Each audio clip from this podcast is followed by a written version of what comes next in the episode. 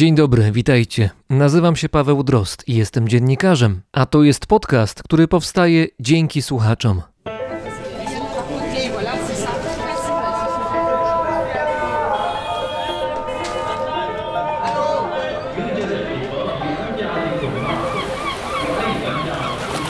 Brzmienie świata z lotu Drozda.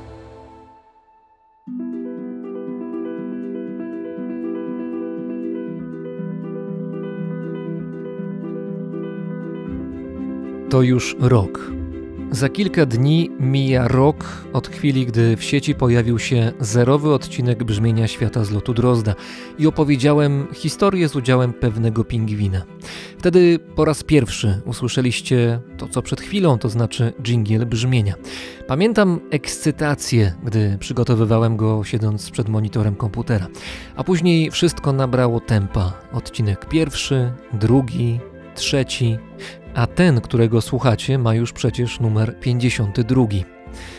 12 miesięcy rozmów, spotkań, nagrań. Z pewnością ponad tysiąc, może nawet dwa tysiące godzin spędzonych ze słuchawkami na uszach podczas układania kolejnych odcinków, sprawdzania informacji, wyboru odpowiednio dopasowanej muzyki, no i oczywiście rozmowy. Czasem zdalnie, na odległość, a czasem na łące podczas picia herbaty, albo przy ognisku w lesie, albo w komorze kriogenicznej w temperaturze minus 100 stopni. Nagrania poza czterema ścianami, w terenie, lubię najbardziej. Dzieje się wtedy najwięcej, zawsze są jakieś niespodzianki i można zanurzyć się w bieg wydarzeń, którego nie można od tak kontrolować. Lubię tak. 28 kwietnia 2020 roku, gdy narodziło się brzmienie świata, miałem nadzieję. Miałem nadzieję, że to moje nowe, dźwiękowe dziecko będzie rosło i rozwijało się tak, jakbym to sobie wymarzył, że brzmienie świata będzie miało słuchaczy oraz, co ma przecież znaczenie, że znajdą się ludzie, którzy na Patronite będą skłonni dorzucić się do zrzutki, która umożliwi mi pracę.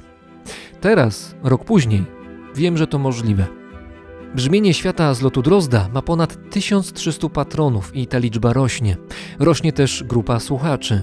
Jest mi zawsze bardzo miło, gdy dostaję od Was maile czy komentarze dotyczące danego odcinka czy zaproszonego przeze mnie gościa. Dostaję maile wskazujące na Waszą wrażliwość i na bardzo uważne słuchanie, i potem często wychodzi z tego jakaś większa mailowa rozmowa. A listy to ja pisać lubię.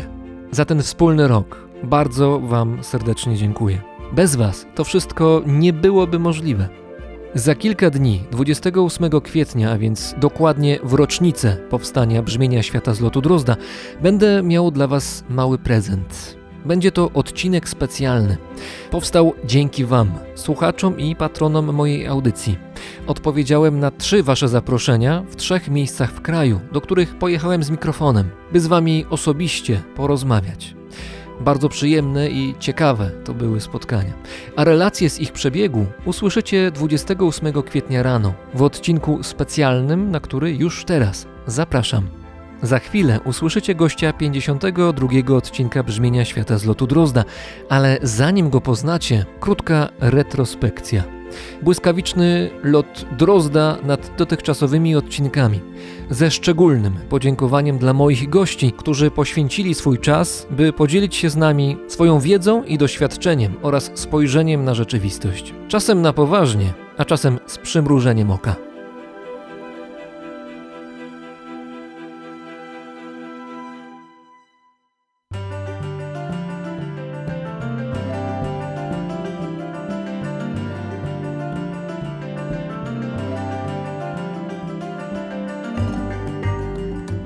Przed Nową Zelandią zdecydowanie nie byłam pewna, jak mi się powiedzie i czy to jest właściwa droga. Wydawało mi się, że Nowa Zelandia jest ciepła, wydawało mi się, że jest pełna lasów. Okazało się, że w ogóle tak nie jest. I tam są trzy rzeczy tanie. Samochody są tanie, tytoń jest tani i alkohol jest tani. Piwo prezydent, ono powstało w latach 30. Ja takie piwo kupowałem sobie w Dominikanie, przewoziłem do Polski, mroziłem, kupowałem w Barcelonie, przewoziłem do Polski, mroziłem, piłem, nic, nic. Już jest około 7 godzin za nami, już jest coraz cieplej. to jednak jest duża różnica, te minus 170 a 100 to teraz wygląda jakby mielibyśmy lato. I rzucił tą swoją korporację i postanowił założyć organizację, której celem jest to, że skończą z biedą 5 milionów rodzin na Filipinach. 5 milionów rodzin. To jest pół Polski. I muszę powiedzieć, że są na bardzo dobrej drodze, żeby to osiągnąć. Czesi mają takie określenie użyj si żywota.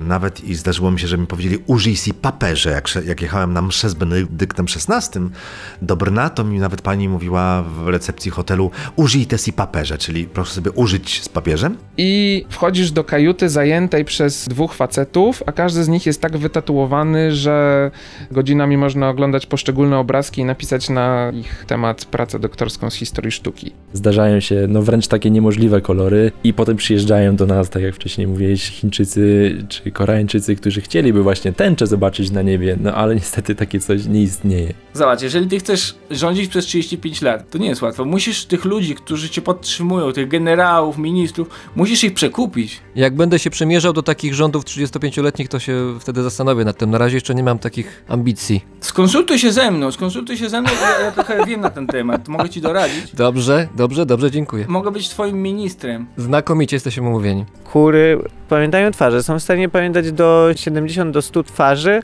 oczywiście bardziej 70, ale to też jest tak, że mogą ludzkich twarzy, innych zwierząt albo też po prostu swoich. A, a propos jadalnych motyli w Europie, to po II wojnie światowej dzieci włoskie jako źródło słodyczy, jako taki można powiedzieć substytut cukierków pozyskiwały ćmy kraśniki. To są takie kolorowe bardzo ćmy latające w dzień. Okazało się, że jak się je łapie, jak się im odrywa głowy, to się wyciąga przewód pokarmowy.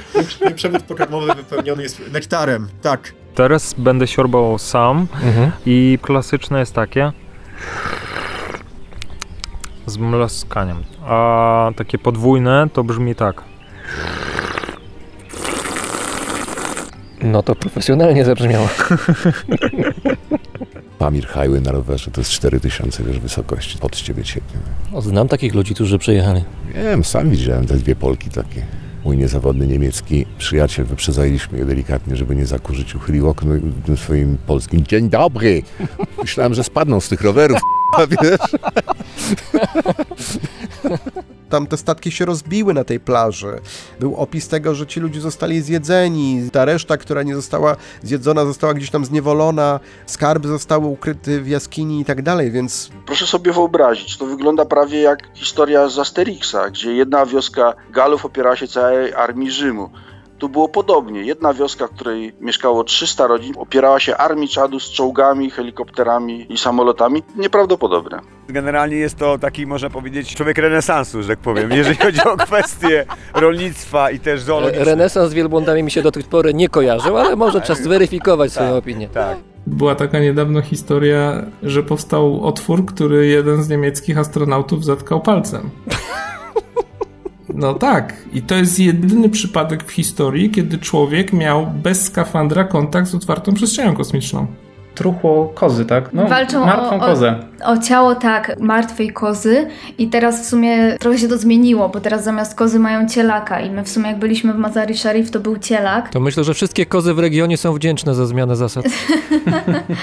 Dotarliśmy wreszcie do Bułgarii. Chcieliśmy odwiedzić sanktuarium dla niedźwiedzi w górach Riły. Ja usłyszałem jakieś dźwięki dziwne koło kampera, jak staliśmy. Wychodzę, patrzę, a tutaj taki wychudzony, zabiedzony pies. Nakarmiliśmy go, ugrzał się z nami. Następnego dnia się okazało, że i koty, i Dudu go bardzo go lubią i tak wszyscy się w ogóle lubią i no już pojechał z nami. No. No tutaj ja akurat jestem wegetarianinem już wiele lat i kuchnia kmerska, ta kuchnia bazuje na, na mięsie. Na przykład tam skąd pochodzi moja, moja dziewczyna, tam się je węże na co dzień. Z wody wyszła do mnie, wysunęła się do mnie ręka i chciała uścisnąć moją dłoń. Wstałem rzeczywiście, żeby tą dłoń uścisnąć. E, I zanim ją O. uścisnąłem, e, się obudziłem z tego, ale tam wszyscy się na mnie patrzyli, co ja robię.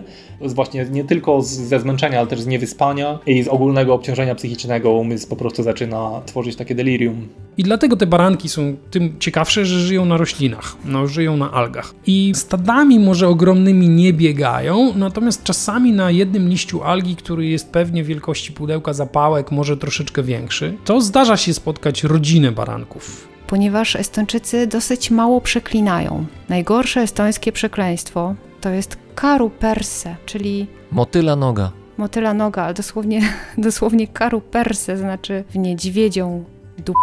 Przychodzisz do ich chaty, jesteś gościem, czyli trzeba cię ugościć. No to co trzeba? Zrobić obiad i nalać samogon. Odmówić się nie da, a jest też taka druga tradycja, która mówi, że w najgorszej chacie minimum trzy trzeba wypić. No ale żadna chata nie chce być najgorsza. Nie ma żadnego systemu dziesiątkowego ani niczego, ale liczby są oparte na 27 częściach ciała, licząc od kciuka, że mamy, że mamy kciuk, palec wskazujący, środkowy serdeczny, nadgarstek, przedramię, łokieć, biceps, ramię i tak przez całą głowę aż do... e, Anatomia liczenia. Tak, do, do, otóż to. Wynajmowałem najtańszego kampera i po prostu jechałem tam, gdzie mi Islandia pozwoliła, żeby się wyciszyć i żeby no, doświadczyć, mo, może tak, żeby się usłyszeć. To jest najpiękniejsza rzecz, gdzie nie ma hałasu ludzi, hałasu internetu, krzyczących reklam, darcia ryja. Nagle można usłyszeć po kilku dniach takiego detoksu, można naprawdę usłyszeć głęboko, instynktownie to, czego tak naprawdę sam chcesz.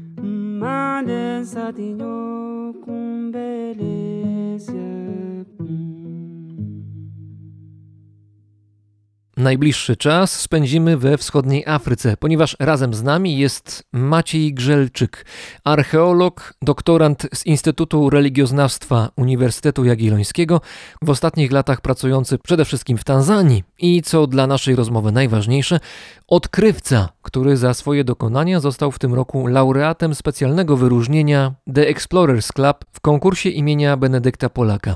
Dzień dobry, witaj. Dzień dobry. Jesteś odkrywcą ponad 50 malowideł naskalnych w środkowej Tanzanii, w rezerwacie o nazwie Słaga Słaga. Najstarsze z tych malowideł można datować na kilka lub nawet na kilkanaście tysięcy lat. Mam w głowie romantyczną wizję odkryć tego typu. Najpierw y, wieloletnie studiowanie manuskryptów, potem szukanie śladów, które mogą naprowadzić na trop czegoś ciekawego, a w finale wielka nagroda w postaci znaleziska, które zapisuje się w historii archeologii. No, taką mam wizję. A jak to wyglądało w praktyce w 2018 roku, gdy malowidła zostały odnalezione? Wszystko zaczęło się od mojej współpracy z osobami, które zawiadują całym rezerwatem. To są rangersi, którzy mają pod opieką cały obszar Słaga Słaga. I pracowaliśmy tam przez trzy miesiące. I przez te trzy miesiące, dzień w dzień, praktycznie udawaliśmy się w teren, po prostu chodząc po tym obszarze, przeczesując lokalne wzgórza, właśnie w poszukiwaniu malowideł sprzed tysięcy, a może nawet kilkunastu tysięcy lat. To w ogóle jeszcze zanim przejdziemy do samych malowideł, bo o nich tutaj głównie będziemy rozmawiać, to jeszcze opiszmy sam rezerwat Słaga Słaga. Działalność ludzka w znaczeniu rolnictwo chociażby jest tam w tej chwili zakazana, co oznacza, że rozumiem, tam jakieś zwierzaki biegają, typowe dla krajobrazu Tanzanii. To kto tam biega? No jeszcze oprócz może turystów, którzy biegają czasami z aparatami fotograficznymi. Turystów akurat jest najmniej, bo jest to dosyć mały obszar położony w stosunkowo trudno dostępnym terenie. Przez to ten ruch turystyczny jest tam, był przynajmniej w tamtym czasie minimalny.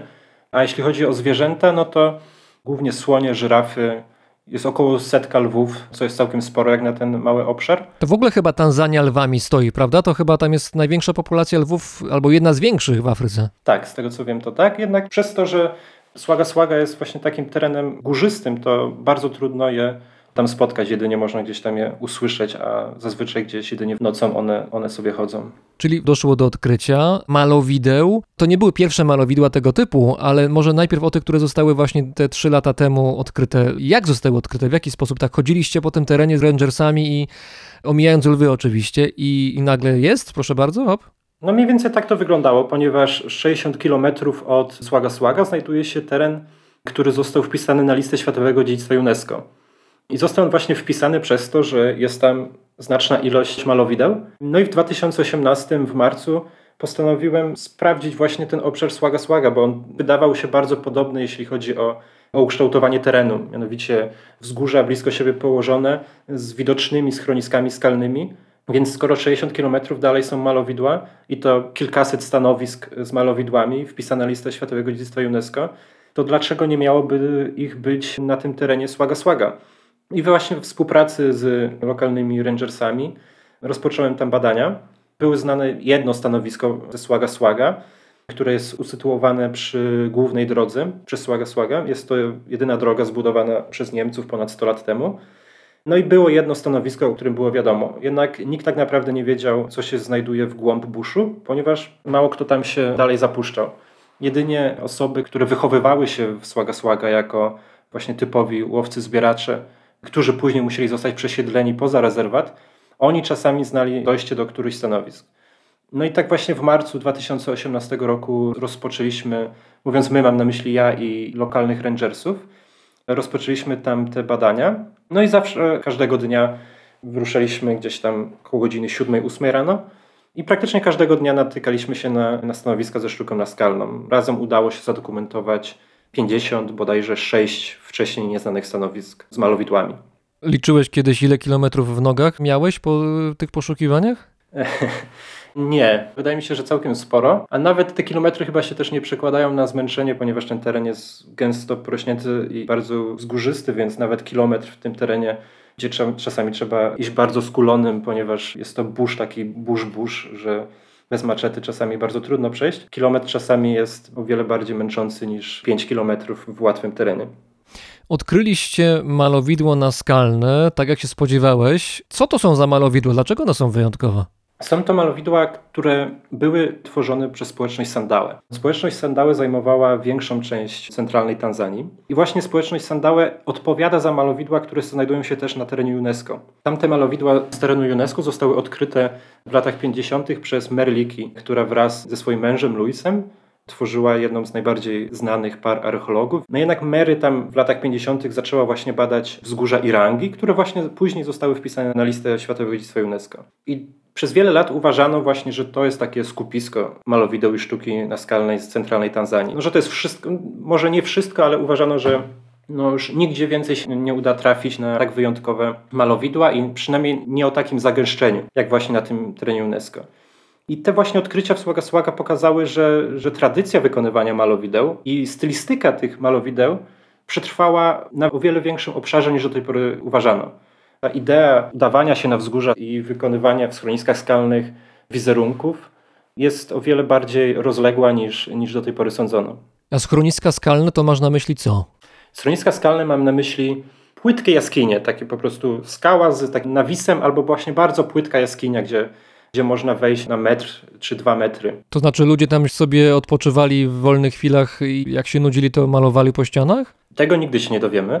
Najprawdopodobniej, jeśli chodzi o ideę wykonywania tych malowideł, to zmieniały się one na przestrzeni wielu lat, kiedy one były tworzone. Najstarsze malowidła mamy problem właśnie z określeniem, kiedy były wykonane. Pewną taką datą graniczną może być 27 tysięcy lat temu. Odkryto próbkę ochry, czyli barwnika, który był używany do malowania na skałach. I ta próbka ochry znajdowała się w tej samej warstwie co węgiel drzewny, a węgiel drzewny już jest bardzo łatwy do datowania radiowęglowego i wydatowano go na 27 tysięcy lat. I próbka ochry posiadała ślady obróbki, co znaczy, że no jakiś człowiek intencjonalnie coś z nią robił. Nie wiemy oczywiście, czy używał tej ochry do malowania na ścianach skalnych, czy być może do malowania na ciele. Jednak już wiemy, że w jakiś sposób w tym już okresie, czyli 27 tysięcy lat temu, ludzie z tamtego obszaru zaczęli używać ochry w jakiś sposób. Więc to jest ta graniczna data wykonywania malowideł najstarszych. Natomiast najmłodsze malowidła być może nawet były wykonywane, nawet nie być może, tylko na pewno były wykonywane jeszcze w latach 60. ubiegłego wieku. Więc mamy ponad 29 tysięcy lat historii wykonywania malowideł na tamtym obszarze, ponieważ w latach 60. jeden z badaczy holenderskich zadokumentował właśnie proces tworzenia malowideł przez sandałe, którzy mieszkają tam. Więc mamy 29 tysięcy lat około historii wykonywania malowideł. Także na przestrzeni tych wielu, wielu lat idea, dla której oni się udawali do schronisk skalnych i malowali, mogła się zmieniać. Jednak wszystko na to wskazuje, że miało to związek z funkcjami religijnymi, jakie te malowidła pełniły. To teraz jeszcze zanim o tych funkcjach religijnych, to co jest na tych malunkach? Na pewno są zwierzęta. Są zwierzęta, są także przedstawienia antropomorficzne, czyli czasami po prostu przedstawienia ludzi. A co ci ludzie robią? Różnie. Na niektórych stanowiskach mamy na przykład takie sceny, które wydają się być prostymi scenami z życia typu większa osoba z łukiem i, i, strzałami, a obok gdzieś mniejsza też z łukiem i strzałami, a obok żyrafy. Więc to można popuścić wodze fantazji i gdzieś wysnuć teorię, że być może jest to przedstawienie ojca, który uczy syna polować. Ale mamy także przedstawienia, które są bardzo trudne do zinterpretowania. Mamy przedstawienia na przykład ludzi, którzy mają kopyta antylopy, mają ogony, mają bardzo nienaturalne sylwetki ludzkie wydłużone. Więc jest bardzo wiele elementów, które odnoszą się do religii. Te najmłodsze malowidła, które były wykonywane zaledwie kilkaset lat temu, są wykonywane barwnikiem białym i zazwyczaj one są łączone właśnie z rytuałami wywołania deszczu. Ponieważ te malowidła są koloru białego, oprócz tego przedstawiają słonie i, i żyrafy w ciąży. I właśnie kolor biały i właśnie te zwierzęta w obecnej religii Sandałe są synonimami chęci wywołania deszczu. Właśnie tak czytałem gdzieś, że Sandałe, ta grupa etniczna, o której mówimy, która tradycyjnie w tych rejonach byli znani, przynajmniej taką opinię mieli na swój temat, że byli świetnymi zaklinaczami deszczu właśnie. Do tej pory są. Oni już w Słaga Słaga nie mieszkają. Obecnie zajmują teren tzw. południowych wzgórz Usandałe. Ich populacja wynosi około 15 tysięcy obecnie. Czyli bardzo niedużo, prawda? Jest to bardzo niedużo. Jednak no, kiedyś zajmowali znaczną część Tanzanii. Jednak zostali zepchnięci wraz z przyjściem rolnictwa i innych ludów z północy, zostali zepchnięci do tego małego obszaru, gdzie teraz się znajdują. I tam cały czas praktykują rytuały swoje tradycyjne i właśnie jednym z tych rytuałów jest rytuał wywołania deszczu. Przeprowadzany właśnie w schroniskach najczęściej z białymi malowidłami, ponieważ malowidła same w sobie, mimo że już sandały nie tworzą malowideł, to one dla nich cały czas są symbolami przodków. A przodkowie to są bardzo ważne postaci w tamtej społeczności i właśnie do nich się udaje w celu wywołania deszczu, w celu, aby Matka Ziemia stała się płodna, a staje się właśnie przez deszcz. Dla Sandałę, dla tych ludzi, te znaleziska, które dla ciebie są elementem no, odkrycia archeologicznego, to jest historia, świadectwo przeszłości, dla nich to ma wciąż aktualny, realny wymiar, codzienny. Tak, dokładnie. Malowidła znajdują się także na rejonie, gdzie oni do tej pory mieszkają. Ja także prowadziłem badanie właśnie na obszarze obecnie zamieszkanym przez Sandałę, nie tylko na Słaga Słaga. I tam, aby się udać właśnie do schronik skalnych z malowidłami, należy zabrać ze sobą lokalną osobę, która jest odpowiedzialna za sferę wierzeniową. I ta osoba prosi przodków przed moim przybyciem, aby umożliwili mi zobaczenie malowideł. Daje im się napić, polewając skałę wodą i wypowiada odpowiednią formułę, aby przodkowie się zgodzili wpuścić nie sandałę, czyli mnie, do schroniska skalnego. Te miejsca są święte, tak mówiąc z naszej perspektywy. Z tego, co czytałem, to animizm, jakaś forma animizmu jest tutaj praktykowana. Najważniejszym rytuałem, który oni do tej pory praktykują, jest to rytuał Simbo. Rytuał Simbo wiąże się z wprowadzaniem się w odmienne stany świadomości. Jest to rytuał, który dla nich nawet samych jawi się jako ten najważniejszy rytuał, który oni nigdy, sami mówią, że nigdy go nie oddadzą. Sama nazwa Simbo pozwala sądzić nawiązanie do lwa, do Simba, w języku Suahili oznaczającego lwa.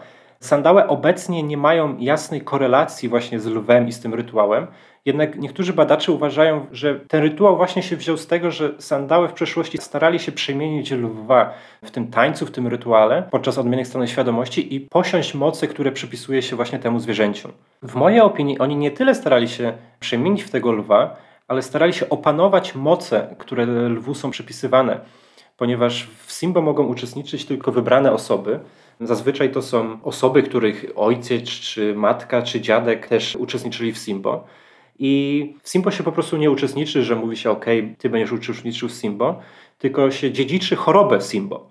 Więc oprócz tego, że jest rytuał Simbo, to także jest choroba Simbo, jest taniec Simbo. Mówi się, że ktoś ma Simbo, ktoś zachorował na Simbo. To mi bardzo przypomina określenia, które dotyczą szamanów buriackich, którzy mówią o tym, że jeżeli ktoś został naznaczony do tego, żeby być szamanem, co jest pewnym brzemieniem, to w tym momencie jest jakoś chory właśnie na to, że szamanem jest. To trochę jakaś paralela chyba się tutaj pojawia. Jak najbardziej, ponieważ tutaj można też prowadzić dyskusję, czy to jest szamanizm, czy nie, ponieważ nie mamy jakby takiej postaci szamana tam.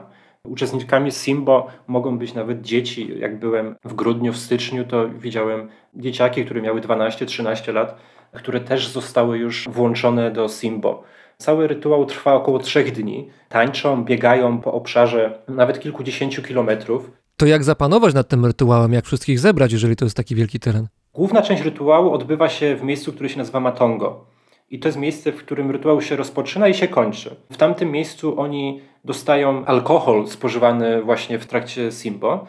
Jest to alkohol robiony z liści hibiskusa oraz baobabu z dodatkiem lokalnej rośliny, która przejawia właśnie właściwości halucynogenne czy też psychodeliczne o nazwie mera. Wszyscy wtedy uczestnicy dostają się napić tego alkoholu i wtedy zaczynają popadać w trans zaczynają tańczyć i później się rozbiegają na, na różne części lokalnego obszaru. Czyli to jest trans jakoś zbiorowy, tak? To nie dotyczy tylko kilku osób, tylko to jest większa grupa. Tak, to jest większa grupa, jednak później te pojedynczy uczestnicy już sami biegają. Na przykład, załóżmy, mamy mężczyznę i on po prostu sobie biegnie w swoją stronę, i później po drodze dołączają się do niego lokalni uczestnicy. Mogą to być dzieci, mogą to być inne osoby dorosłe, które uczestniczą z nim w tym biegu przez 5-6 kilometrów, a później wracają, a on dalej biegnie. Pod wpływem środka jest wiele osób. Jednak oni później się rozbiegają, a później się znów zbiegają w to samo miejsce. Jeśli chodzi o Simbo, to są różne opowieści. Słyszałem historie lokalne opowiadane przez lokalną społeczność, że jeśli ktoś zachorował na Simbo i był na przykład w Dar es Salaam, czyli 500 kilometrów dalej i zachorował tam na Simbo, to te Simbo go przyprowadziło właśnie do miejsca, gdzie się Simbo odbywa, do tego Matongo, bo Simbo go poprowadziło, że Simbo jest tak silne, że jest w stanie poprowadzić tą osobę nawet przez 500 kilometrów, aby się dostała na, na teren Simbo. I oni biegają sobie po tym, po tym buszu, dostają taki charakterystyczny drgawek w tym transie, leci im piana z ust, wykonują bardzo takie charakterystyczne ruchy ciałami, mają ze sobą kije wyposażone w grzechotki, którymi wydają dźwięki. No i później zbierają się znów raz na jakiś czas właśnie w Matongo, tam znów są napijani tym alkoholem, a wszystko przez to, żeby te Simbo opanować. Oni, ta starszyzna, która daje im się napić, tłumaczy im, że spokojnie, zaraz będzie po wszystkim, a na końcu zbierają się właśnie trzeciego dnia i tam zaczynają kopać w ziemi. Wszyscy razem tańczą też i kopią w ziemi do czasu, kiedy znajdą białe kamienie. Te białe kamienie właśnie symbolizują przodków, ponieważ biały jest symbolem męskim.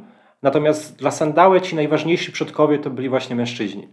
I znalezienie tych kamieni jest sygnałem, że już Simbo należy powoli kończyć. Później przez starszyznę te kamienie są składowane w jednej z chat pod skórą czarnej kozy. Natomiast czarny jest symbolem kobiecym. Tutaj już mamy taki poziom połączenia właśnie całego życia, czyli kobieta i mężczyzna. I one są składowane przez bliżej nieokreślony czas i w pewnym momencie mogą na przykład, na przykład zniknąć. I jeśli znikną w jakiś niewyjaśniony sposób, no to jest znak, że należy przygotować się już powoli do kolejnego Simbo. Z tego, co mówisz, to wynika, że, że Simbo, ta choroba, to nie jest rodzaj daru, na którym ludziom by zależało, tylko to jest jakiś rodzaj problemu, którego należy poprzez rytuał się pozbyć. To ma podwójne znaczenie. Z jednej strony jest to coś, co należy się pozbyć, a nawet nie tyle pozbyć, a ile opanować. A z drugiej strony jest to niesamowity przywilej uczestniczyć w tym Simbo, ponieważ właśnie w trakcie Simbo jest się najbliżej przodków. W tym momencie się można połączyć z przodkami i poczuć z nimi jakąś taką jedność. Właśnie lokalne dzieci, które gdzieś tam słyszą w oddali właśnie te grzechotki tych uczestników biegnących, od razu przerywają wszystkie swoje zabawy i z Simbo na ustach biegną, biegną zobaczyć właśnie tych uczestników, więc to są takie osoby, które pełnią jakąś ważną rolę. To zaczynam się domyślać, dlaczego w XIX wieku pierwsi europejscy podróżnicy czy badacze, którzy zawędrowali na te tereny i spotkali się z Sandałę, byli przekonani, że to są ludzie, którzy są znakomici w sztuce przetrwania. To są specjaliści w przetrwaniu gdzieś w buszu, w terenie samodzielnie. A to może wynikało z tego, że jak oni wpadali w trans i gdzieś tam biegali po okolicy kilometrami, sprawiali wrażenie właśnie takich no, nie ludzi. Tak, to są niesamowicie wytrzymałe osoby. Jeden z rangersów, którym współpracowałem, około 70-letni mężczyzna, właśnie całe swoje dzieciństwo spędził w Słaga Słaga jako właśnie typowy łowca, zbieracz, żywiąc się wyłącznie tym, co on albo jego rodzice upolowali albo zebrali.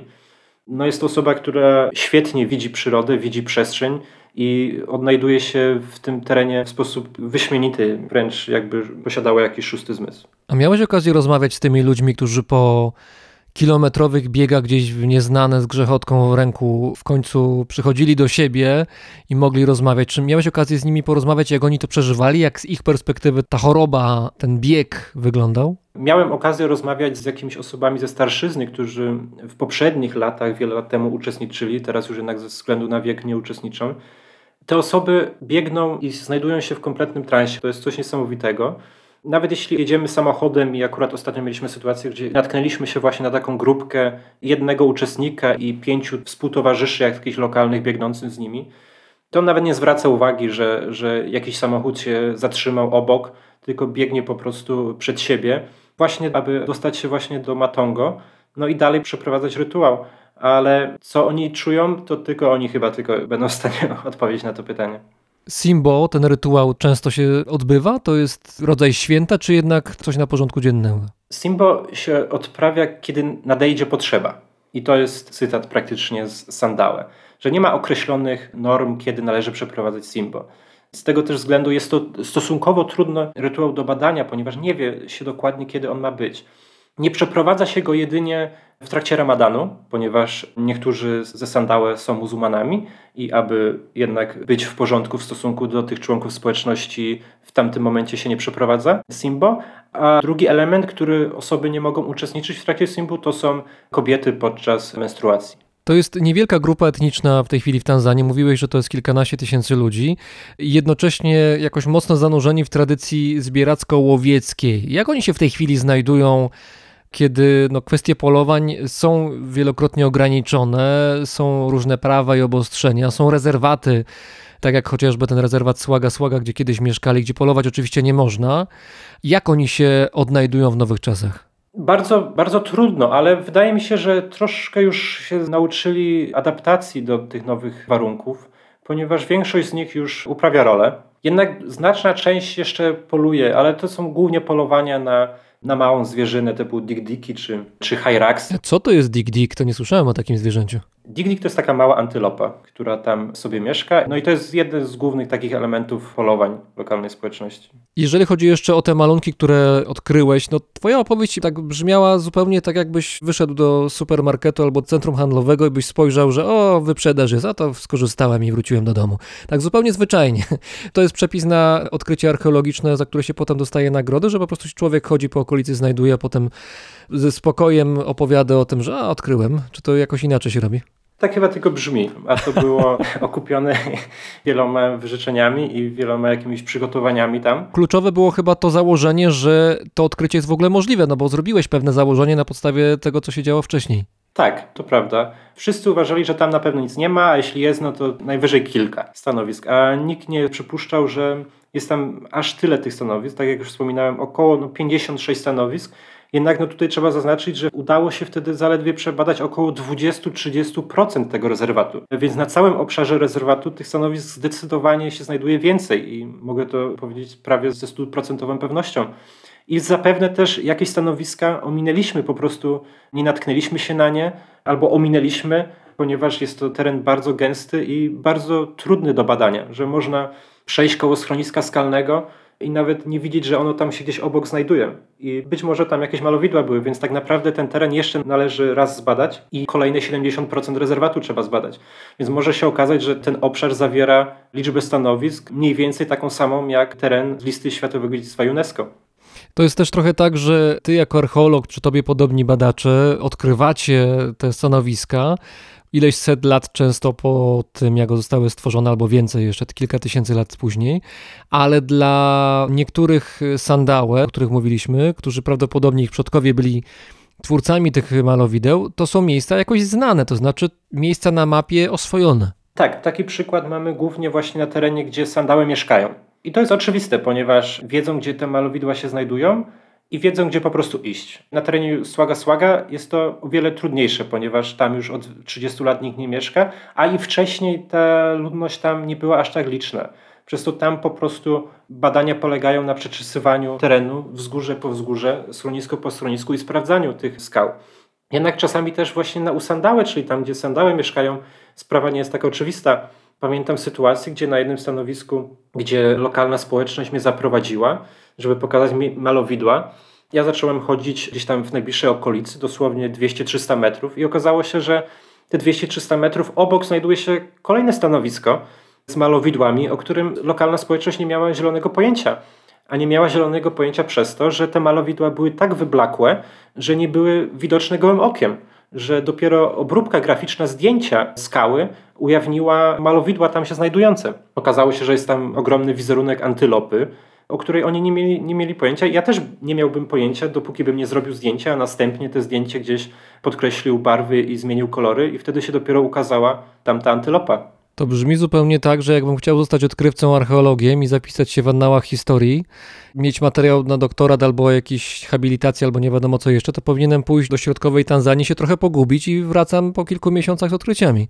Być może właśnie to jest ten, to jest ten sposób. To też z drugiej strony, już po, po iluś latach pracy tam, widzę, że także inny aspekt te badania mają, ponieważ Sandałe przez wiele lat byli taką społecznością, która była troszkę deprecjonowana w Tanzanii ponieważ oni pochodzą z południowej Afryki. Przybyli na tereny Tanzanii około 25 tysięcy lat temu z falą migracji ludności buszmeńskich.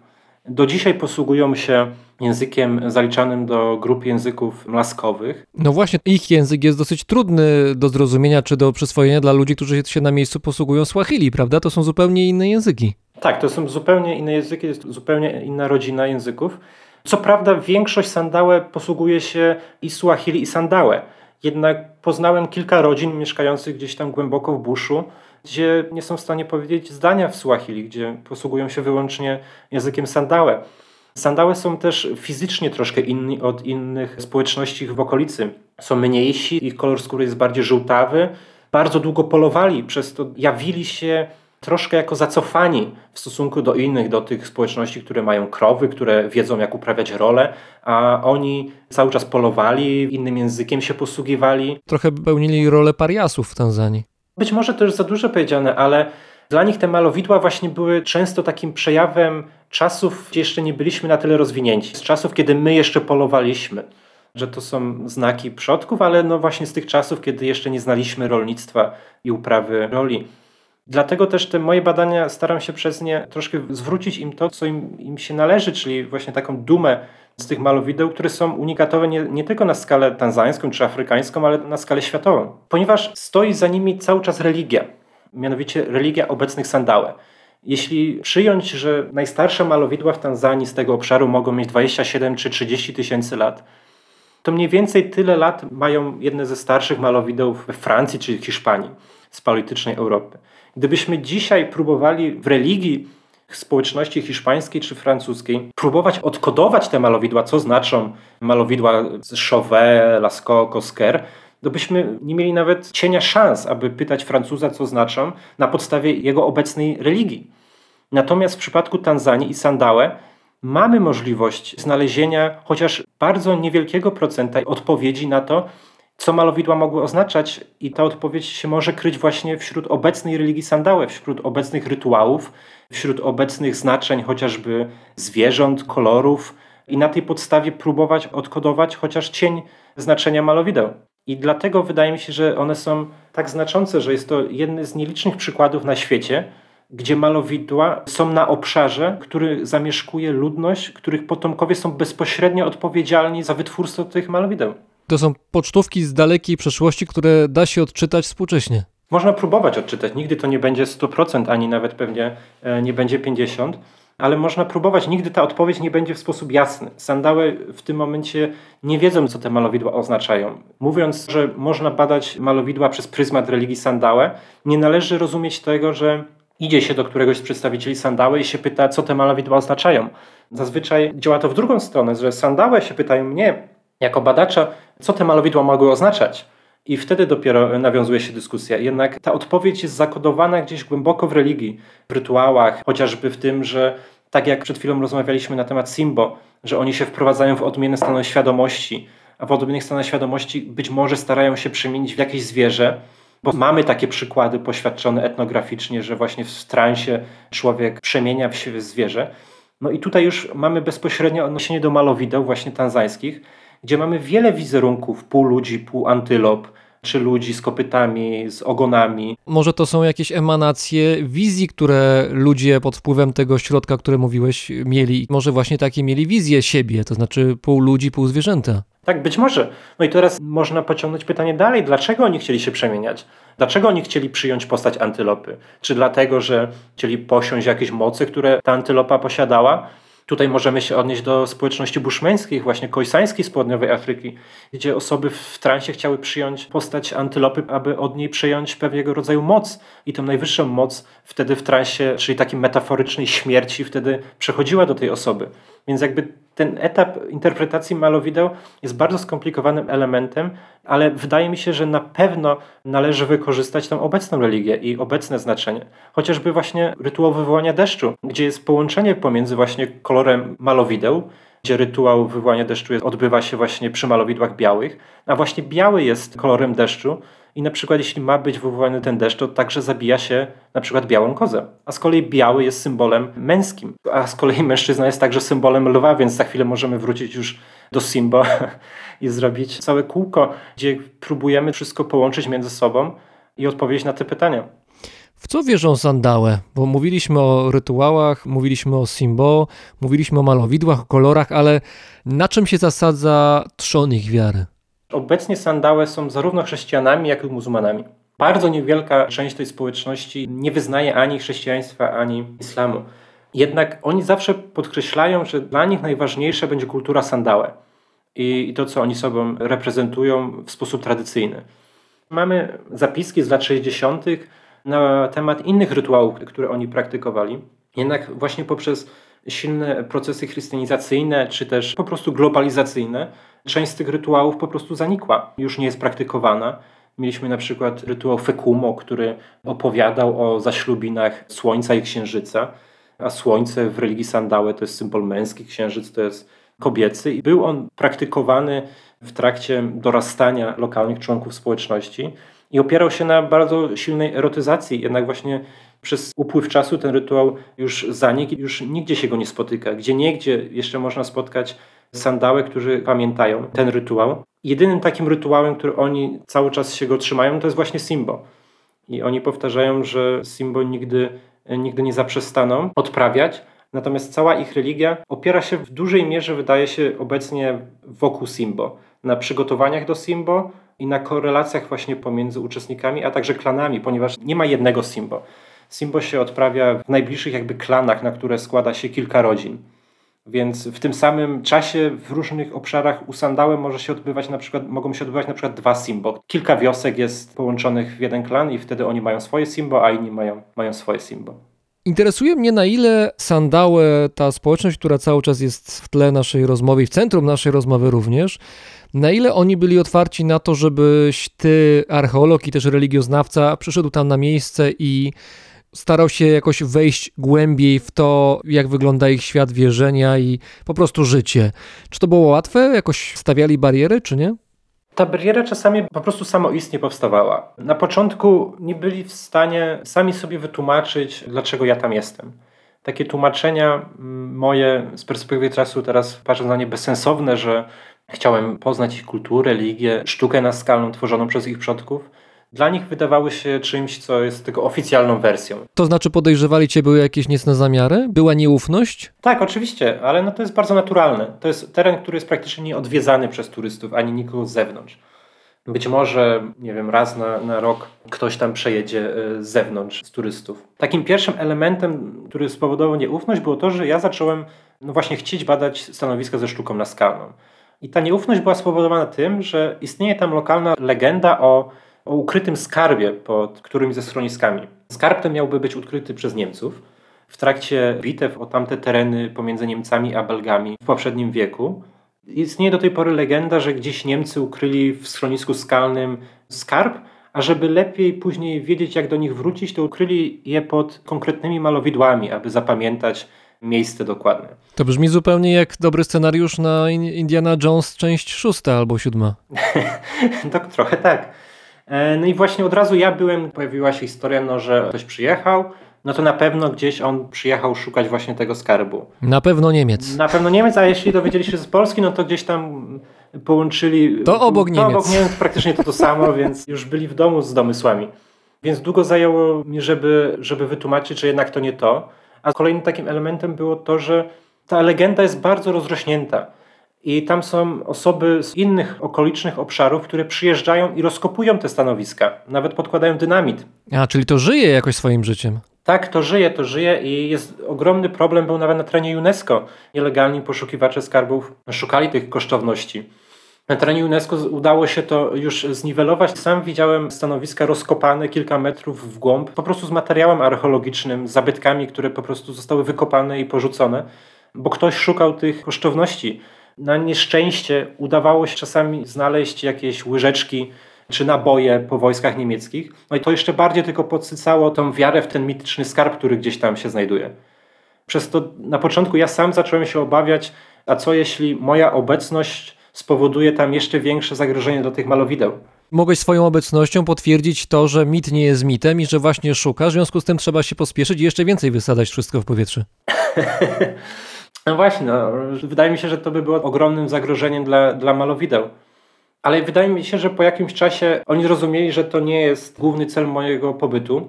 No i później kolejnym takim elementem, który gdzieś mógł przeszkadzać na poziomie moich badań i moich rozmów z nimi, był fakt, że ze względów jakiegoś takiego komfortu i bezpieczeństwa Mieszkałem przez pewien okres na terenie parafii i to było z ich perspektywy tak odebrane właśnie pod tym kątem, że czy ja nie chcę w jakiś sposób czegoś się dowiedzieć za dużo o ich religii i później jakąś misję chrystianizacyjną na przykład przeprowadzić. Nie dość, że Niemiec, to jeszcze misjonarz. Dok- Dokładnie, bo właśnie tam ta misja była za- założona przez niemieckich, niemieckich misjonarzy, więc wszystko idealnie by się dodawało. No wszystko się ładnie składa. Za chwilę skończymy tę rozmowę na Donaldzie Trumpie i wszystko się ładnie ułoży. Być może. To było wiele takich elementów, gdzieś musiałem sobie pododawać w głowie, jak to, jak to rozwiązać. Bo no wyobraź sobie, że masz białego gościa, który przyjechał, wozi się z księdzem lokalnym, mieszka, e, mieszka na parafii, no a czasami też przyjeżdża, jeździ po wioskach i, i czasami rozmawia z nami na temat religii. Mhm. A automatycznie pierwsze, co oni się do mnie odzywali, no to, to było, że jestem księdzem, no bo skoro z księdzem gdzieś tam się zadaję i mieszkam na parafii, no to jestem księdzem. Kilka minut tłumaczenia, że nie jestem księdzem, a dopiero później, okej, na pewno nie jesteś, a pytasz o naszą religię. Więc to zajęło kilka tygodni, o ile nie miesięcy, zanim wydaje mi się zbudowałem taką relację, w której oni wiedzą mniej więcej po co ja tam jestem i dlaczego ja tam jestem. I taka relacja, że każdy już mnie tam zna, raczej żadna krzywda by mi się tam nie stała, a oni też nie czują, że ja tam jestem po coś, żeby coś im zabrać. Czy zabrać ich kulturę, religię, czy też właśnie ten mityczny skarb. Że ja sobie jestem i sobie coś tam robię, a oni też sobie tam są, więc jakby staramy się żyć w takiej symbiozie. Dużo czasu spędziłeś tam na miejscu na badaniach? Rok, ponad rok. Czasami mieszkałem gdzieś tam na terenie należącym do lokalnej policji, co też z drugiej strony było odbierane w dwojaki sposób przez lokalnych mieszkańców. Policjant, ksiądz, Niemiec, jeszcze za chwilę będzie kusownik i handlarz kością słoniową. No właśnie, a ostatnio skoro pracowałem w Słaga Słaga, no to musiałem siłą rzeczy pracować z lokalnymi rangersami, a rangersi z lokalnymi mieszkańcami też mają takie, rzekłbym, niezbyt przyjemne stosunki, ponieważ istnieje tam taka zabawa w kotka i myszkę, ponieważ lokalni mieszkańcy starają się zbierać miód z rezerwatu Słaga Słaga. Są świetnymi pszczelarzami, sandałe. O, ale, ale mówimy, mówimy o pszczołach tych dzikich, afrykańskich, czy jakichś Tak, tak, innych? tak, tak, tak, tak, tak. O, to chylę czoła, naprawdę. To muszę mieć odwagę i umiejętności. I to jest dla nich wielka przyjemność zbierać ten miód. Przyjemność. Tak się jakoś złożyło, że dużo tych pszczół sobie żyje na rezerwacie Słaga Słaga. No a ci rangersi z siłą rzeczy są odpowiedzialni, żeby jednak nikt tam nie wchodził i nie zbierał tego miodu. Przez to jest taka, no też tutaj są pewne relacje niezbyt miłe, ale jeśli będąc już przy tych pszczołach, to pszczoły według Sandały były pierwszymi zwierzętami, które się pojawiły na Ziemi. Mm. Tutaj jest kolejny aspekt, jak możemy wykorzystać malowidła i obecną religię, jak znaleźć korelację pomiędzy nimi, ponieważ według Sandałe główny bóg Barasy, Barasy był tym bogiem, który spowodował powstanie wszystkiego, wyprowadził życie ze, właśnie ze schroniska skalnego, czyli z tego miejsca, gdzie te malowidła do tej pory istnieją. Więc żeby zrozumieć malowidła, musimy się cofnąć krok wstecz. Czyli musimy zrozumieć, dlaczego w ogóle w tych konkretnych miejscach te malowidła były tworzone. I żeby zrozumieć to, musimy się odwołać do lokalnej religii obecnej, Sandałe. I wtedy zrozumiemy, że samo schronisko skalne, nawet bez malowideł, jest symbolem, symbolem życia i symbolem łona kobiecego, z którego Barasy wyprowadził życie. No i właśnie tym pierwszym życiem, które wyszło ze schroniska skalnego, ze szczeliny w skale, były pszczoły. A pszczoły potem zapaliły świat, czy jak to dalej wyglądało? Nie, później kolejne wyprowadzał i później chyba były antylopy, lew i dopiero później kobieta i mężczyzna. Ale pszczoły jakoś zostały wyciągnięte na miejsce pierwsze na podium. To bardzo ciekawe. Takiej kosmologii jeszcze nie znałem. Tak, mamy, mamy kilka przedstawień e, malowideł, gdzie z dużą dozą prawdopodobieństwa mogę powiedzieć i możemy powiedzieć, że znajdują się przedstawiania właśnie rojów pszczelich. O, ale to jak to wygląda? To na malowidle, które pewnie jeszcze troszkę jest wyblakłe, bo zostało trafione zębem czasu, tak rozpoznać pszczołę na ścianie to nie jest takie proste chyba. No tutaj właśnie możemy się odnieść do korelacji do południowej Afryki. Tam mamy też kilka stanowisk, gdzie mamy być może przedstawienia rojów pszczół. No i właśnie lokalne społeczności buszmeńskie interpretowały te malowidła właśnie, że te właśnie takie cienkie kreski, dużo jakieś skupiska tych cienkich kresek, no to jak to co to jest? No to są właśnie te pszczoły latające. A zaklinacze deszczu też są na tych malowidłach? Nie. Jeśli chodzi o białe malowidła, bo właśnie białe malowidła są łączone z wywołaniem deszczu, białe malowidła są naj, najmłodsze, mają maksymalnie kilkaset lat i tam praktycznie w ogóle nie mamy przedstawień ludzkich. Jedyne co tam spotykamy, no to właśnie słonie w ciąży czy żyrafy też bardzo często w ciąży. I to jest właśnie symbol płodności, symbol płodności Matki Ziemi. Mówiłeś wcześniej, że nie widziałeś rytuału zaklinania deszczu, ale no, zakładam, że pytałeś, jak wygląda takie know-how, takie ABC, jak deszcz jest potrzebny. Łączy się to głównie właśnie z odpowiednią formułą wypowiadaną i zebraniem starszyzny, która się zbiera w tym schronisku skalnym i wtedy jest zabijana także biała koza. No a później już tylko trzeba czekać, czy ten deszcz spadnie, czy nie. Czasami też może się zdarzyć w drugą stronę, że jest za dużo deszczu. Wtedy należy zabić czarną kozę. Czyli za każdym razem koza jakaś ucierpi. Nie ma ucieczki. Nie ma ucieczki, jakaś koza musi stracić życie. Czy po tych ponadrocznych badaniach w Tanzanii, ale z perspektywy jednej grupy etnicznej przede wszystkim, czyli tej grupy etnicznej Sandałe, inaczej patrzysz na ten kraj, jakoś w innej perspektywy, bo jednak dominuje tam kultura Swahili, kultura oswojona poprzez to, że ruch turystyczny tam się odbywa, ludzie jeżdżą, opowiadają, więc wydaje nam się, że Tanzania jest jakoś już znana, ale ty poznałeś tę Tanzanię, nadal poznajesz taką jakoś zamkniętą, schowaną. Tak, i za to jestem bardzo, bardzo wdzięczny, że mogę w taki sposób właśnie Tanzanię poznawać. Ruch turystyczny wielokrotnie zabił albo zabija jakieś te tradycyjne społeczności. Jeden z takich przykładów, no to mamy społeczność, która się nazywa Hadzabe w Tanzanii. Sandałe wraz z Hadzabe przyszli do Tanzanii z południowej Afryki około 25-30 tysięcy lat temu. I oni wtedy stanowili z Hadzabe jedną grupę. I dopiero się rozdzielili na Sandałę i Hadzabe około 15 tysięcy lat temu. Mamy na to dowody w ich DNA, że właśnie około 15 tysięcy lat temu zaczęły się tworzyć dwie grupy. Sandałę i Hadzabe. No i Sandałę mamy, tak jak mówiłem, 15 tysięcy około populacji, natomiast Hadzabe, którzy zamieszkują okolice jeziora Ejazji, jest ich około tysiąca, jeśli nie mniej w tym momencie. To jest społeczność, która jest typowo zbieracko-łowiecka, gdzie oni praktykują do tej pory typowo zbieracko-łowiecki tryb życia. I w dużej mierze ich kulturę, ich religię i ich styl życia zabiły i zabijają dwa aspekty. Jeden z tych aspektów to była właśnie turystyka, czyli tony, tony turystów, którzy przyjeżdżali, aby zobaczyć typowych łowców zbieraczy w swoim środowisku naturalnym, gdzie można było zapłacić i wybrać się z nimi na polowanie. A z drugiej strony okoliczne inne społeczności, które potrzebowały terenu na wypasy krów. Przez to Hadzabe stracili teren do polowania, bo skoro oni polują w lesie, no to znaczy, że inne społeczności nie mają gdzie wypasać krów, a jeśli inne społeczności zaczynają wypasać krowy, no to ten las zaczyna znikać. I właśnie jak już mamy teraz się cofnąć do twojego pytania, no to Tanzania ma takie dwa oblicza. Jednej strony właśnie te społeczności takie tradycyjne, z drugiej strony turystyka. Turystyka, która musi być w wielu przypadkach bardzo zrównoważona i bardzo przemyślana, żeby żeby nie zabijać tej tkanki najbardziej cennej, tej warstwy kulturowej społeczności lokalnych. W wielu przypadkach, tutaj akurat w przypadku Hadzaby, bardzo często zdarzało się tak, że przyjeżdżały osoby, przyjeżdżali turyści, a lokalna społeczność z tych turystów miała no, bardzo znikomy zysk. Ten zysk płynął raczej do ludzi, którzy gdzieś tam byli na wyższych szczeblach zarządzania.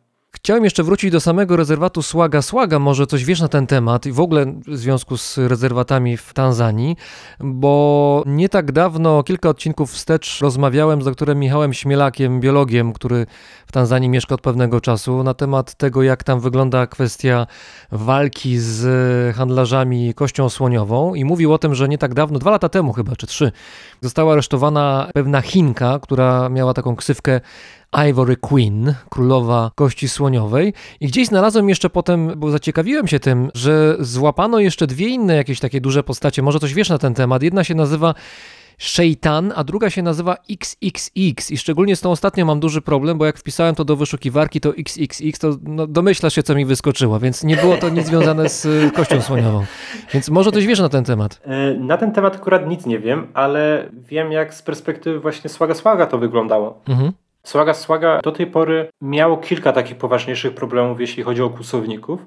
Właśnie przez to, że to był taki rezerwat troszkę mniejszy i właśnie bardzo rzadko odwiedzany przez turystów. Tym samym był mniej chroniony. I kilka lat temu, bodajże chyba pięć, był tam poważny problem właśnie z kłusownikami z jakichś innych krajów afrykańskich, o ile dobrze pamiętam, z, ze Sudanu, gdzie praktycznie się gdzieś tam rozgrywała jakaś regularna bitwa, którzy próbowali się dobrać do kłów słoni. Jednak ja z tego, co mogę sobie w tym momencie przypomnieć, w trakcie pracy w Słaga chyba się trzy razy natknęliśmy na pozostałości właśnie słoni, które były pozbawione kłów. Rozumiem, że słonie nie żywe już. Tak, tak, tak, już, już dawno nie żywe. A szukając tych malowideł gdzieś na wzgórzach, miałeś z tyłu głowy taką myśl, że gdzieś tutaj też się mogą pojawić jakieś lwy ewentualnie? No się, ja wiem, że lwy to chyba wzgórza to nie szczególnie lubią, ale no może jakiś się zabłąka i wtedy może być nieciekawie.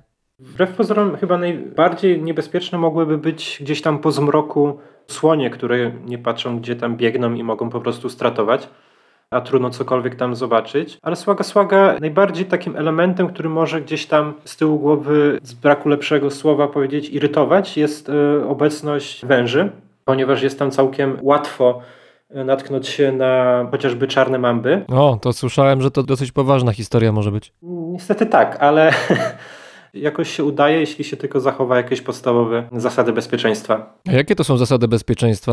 Szybko uciekać, czy patrzeć pod nogi cały czas? Zazwyczaj to patrzeć, gdzie się nogę wkłada, albo rękę, jeśli gdzieś się wchodzi na wzgórze. Starać się robić gdzieś tam wokół hałas, jakimś kijem, który się gdzieś tam obok niesie. No i mieć buty gdzieś tak solidnie powyżej kostki. Tak sobie myślę, że udało ci się zrealizować takie marzenie, które może chyba, chyba każdy archeolog ma, tak sobie wyobrażam, żeby być autorem jakiegoś odkrycia, żeby jakieś odkrycie, jakieś miejsce, jakieś znalezisko było przypisane do nazwiska i to już masz za sobą, to znaczy jesteś odkrywcą, tylko nie wiem, czy tak się czujesz, czy to jest twoje ostatnie słowo, czy jeszcze masz nadzieję na kolejne odkrycia właśnie, czy to w Słaga Słaga, czy w innych miejscach? Wydaje mi się, że odkrycie jest dopiero pierwszym elementem w całym procesie pracy badawczej. Ja myślałem, że to jest odwrotnie, to znaczy najpierw się pracuje, pracuje, potem odkrycie, hura, zaszczyty, splendory, nagrody. No ale teraz jednak jeszcze trzeba wyciągnąć wnioski z tych odkryć wszystko i co one oznaczają. Dlaczego te malowidła były tworzone tam? Czy jesteśmy w stanie stworzyć jakieś mapy korelacji pomiędzy tymi malowidłami? Dlaczego te stanowiska się znajdują w tych, a nie innych miejscach? Czy być może jest jakiś związek pomiędzy na przykład ciekami wodnymi, które są w okolicy, a tymi schroniskami z malowidłami. W mojej opinii także ogromne znaczenie na miejsce wykonywania tych malowideł miał widok rozciągający się ze schronisk skalnych. Widok? To znaczy ci, którzy malowali, to chcieli mieć jeszcze fajne widoki po drodze? Nawet nie fajne, właśnie nie wiadomo o co chodzi, ale bardzo często ten widok, ten landscape, ten krajobraz odgrywa kluczową rolę. Można spotkać schroniska skalne praktycznie z idealną skałą, że po prostu nic tylko stać i malować na niej, ale z bardzo słabym widokiem. I tam właśnie malowideł nie ma. A obok jest schronisko skalne, gdzie trudno gdzieś tam stać, skała taka średnia, ale właśnie widok jest dobry z tego schroniska i tam są malowidła. Jest tutaj pewna korelacja pomiędzy widokiem a malowidłami. Ale to znakomite, to znaczy chodzisz po terenie i szukasz najpiękniejszych miejsc w okolicy i to jest właśnie tam. A to świetne, to tylko pozazdrościć. Zazwyczaj tak jest. Zazwyczaj tak jest, że jak się gdzieś widzi fajne wzgórze i gdzieś jest schronisko skalne już gdzieś tam na horyzoncie się jawi i widać, że jest to takie fajne schronisko skalne, to jak się już tam dochodzi, to się mówi, ok, tutaj też coś jest. W trakcie pracy także dokumentujemy widok ze schroniska skalnego poprzez panoramy sferyczne, wykonywanie zdjęć w 360 stopniach, właśnie po to, aby zadokumentować krajobraz rozciągający się z tego schroniska. Słaga Słaga jest o tyle wyjątkowa, że jeśli staniemy przy malowidłach i będziemy patrzeć na nie i się obrócimy w drugą stronę, no to zobaczymy praktycznie obszar nietknięty ręką ludzką. Nie zobaczymy gdzieś tam domów z dachami z blachy falistej i jakichś pól uprawnych, no tylko zobaczymy po prostu gęsto porośnięty burz, więc widzimy praktycznie to, co w dużej mierze mógł widzieć twórca tych malowideł, więc już sam widok jest elementem, który należy chronić. A wyobraźnia trochę działa w takich sytuacjach? To znaczy, gdzieś masz świadomość tego, że dotykasz przeszłości, ale jednocześnie w niej jesteś? Oczywiście, że tak. Jak się wchodzi na, na takie stanowisko, gdzie widzi się malowidła, które być może były tworzone kilka tysięcy lat temu, kilkanaście tysięcy lat temu, i się stoi w tym miejscu i, i się patrzy na nie i się po prostu wie, że osoba wykonująca te malowidła kilka, kilkanaście tysięcy lat temu musiała stać dokładnie w tym samym miejscu, gdzie wtedy stoisz ty i widziała dokładnie to samo co ty i być może nagle po skończonej pracy także przysiadła na tym samym kamieniu, który leży obok, czy głazie, żeby sobie odpocząć, gdzie ty też odpoczywasz po, po pracy. Tutaj wyobraźnia rzeczywiście ma duże pole do popisu. Tyle tylko, że ten człowiek sprzed kilku tysięcy lat nie robił zdjęć sferycznych, ale poza tym podobnie. to prawda, to prawda. On raczej mieszał różne barwniki, aby wyszła mu dobra farba. A to jest w ogóle niesamowite, że te barwniki mają taką żywotność, to znaczy, że wciąż na tych ścianach, na tych skałach się potrafią utrzymywać. Jeśli one nie są tknięte i się znajdują w miejscu, które jest w miarę osłonięte od słońca i od spływającej wody, są w stanie przetrwać tysiące lat. Do tej pory do końca nie wiemy, co oni używali, jednak na podstawie badań etnograficznych jesteśmy w stanie stwierdzić, że no była to y, mieszanka ochry, czyli właśnie tego naturalnego barwnika, mieszanka tłuszczów zwierzęcych, czasami też krwi, białka kurzego, ale także moczu góralka, czyli tych małych, małych zwierząt, które gdzieś tam w szczelinach skalnych mieszkają. I bardzo trudno datować tą sztukę naskalną właśnie poprzez pryzmat samego barwnika. Czyli bardzo trudno nam wydatować i powiedzieć, jak stare te malowidła są na podstawie właśnie pigmentu, którego oni użyli. Z pomocą tutaj przychodzą nam osy i jest to metoda, która była z bardzo fajnymi efektami stosowana w Australii. I w kilku takich przypadkach w Tanzanii też mamy właśnie gniazda os, które są wykonane na malowidłach. Jeśli te gniazda os nie są tknięte i ktoś je specjalnie nie przyjdzie, nie kopnie, coś z nimi nie zrobi, to one są w stanie przetrwać tysiące lat. To znaczy samo gniazda, ale już bez lokatorów. Tak, już bez lokatorów. I te osy używały właśnie elementów z przyrody, które możemy datować radiowęglowo, więc y, one używały jakichś jakich traw i budowały te gniazda. No jesteśmy w stanie to datować, więc wtedy, jeśli, jeśli te osy wybudowały te gniazdo na malowidłach, no to już jesteśmy w stanie uzyskać tą datę graniczną. I to jest jeden z bardzo nielicznych takich elementów, które może nam pozwolić dowiedzieć się więcej o wieku tych malowideł. Osy w służbie archeologii, na to nie wpadłem. Jak oceniasz, ile lat jeszcze przed tobą na miejscu w Tanzanii Środkowej? Mam nadzieję, że sporo, że mam nadzieję, że liczyłbym w dziesiątkach. Aż tak? No aż tak. Jeszcze, jeszcze wiesz, no jakby Tanzania jest większa o wiele niż tylko rejon, gdzie obecnie badam. Bardzo dziękuję. Razem z nami był Maciej Grzelczyk, archeolog, doktorant y, Uniwersytetu Jagiellońskiego z Instytutu Religioznawstwa, badacz i odkrywca malowideł naskalnych w środkowej Tanzanii w rezerwacie Słaga Słaga. Bardzo dziękuję. Dzięki. gon ñi sono punu jàpp fukki yoon bu gëstu doon leeral lay yooni yoon gon ñi sono punu jàpp fukki yoon fekkel na nga dem ba ganaar Eu não sei de bem panga dem babai. Waranga pas Wai dem dojo? Gosonu digi dinga dem dojo. There was a time I had worked out a plan To get what I want right here in my hand My plans fell through as they tend to do. I had to laugh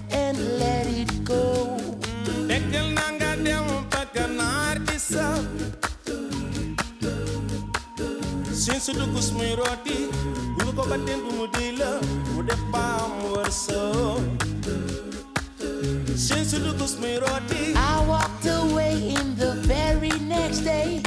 Guess what I found as if it were planned? Just what I thought had been out of reach.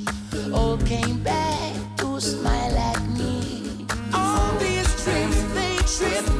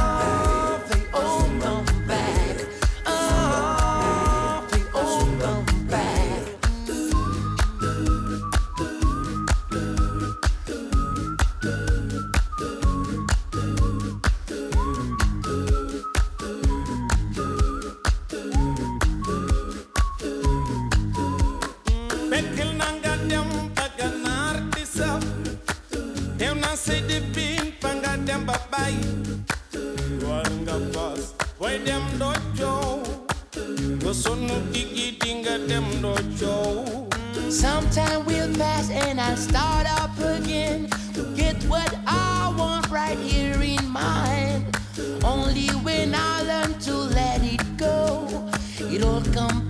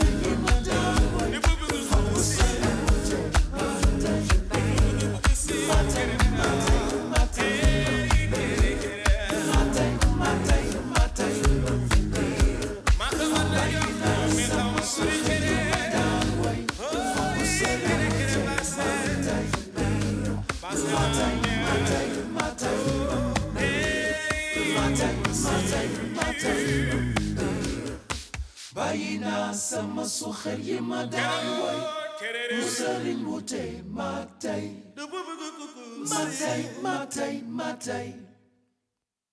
ma tey ma tey ma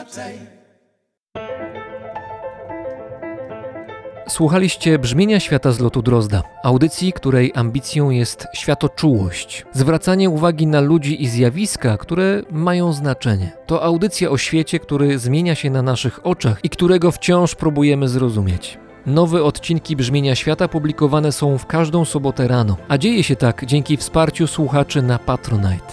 I za to wsparcie bardzo, bardzo, bardzo serdecznie Wam dziękuję. A już za kilka dni odcinek specjalny. Nie przegapcie.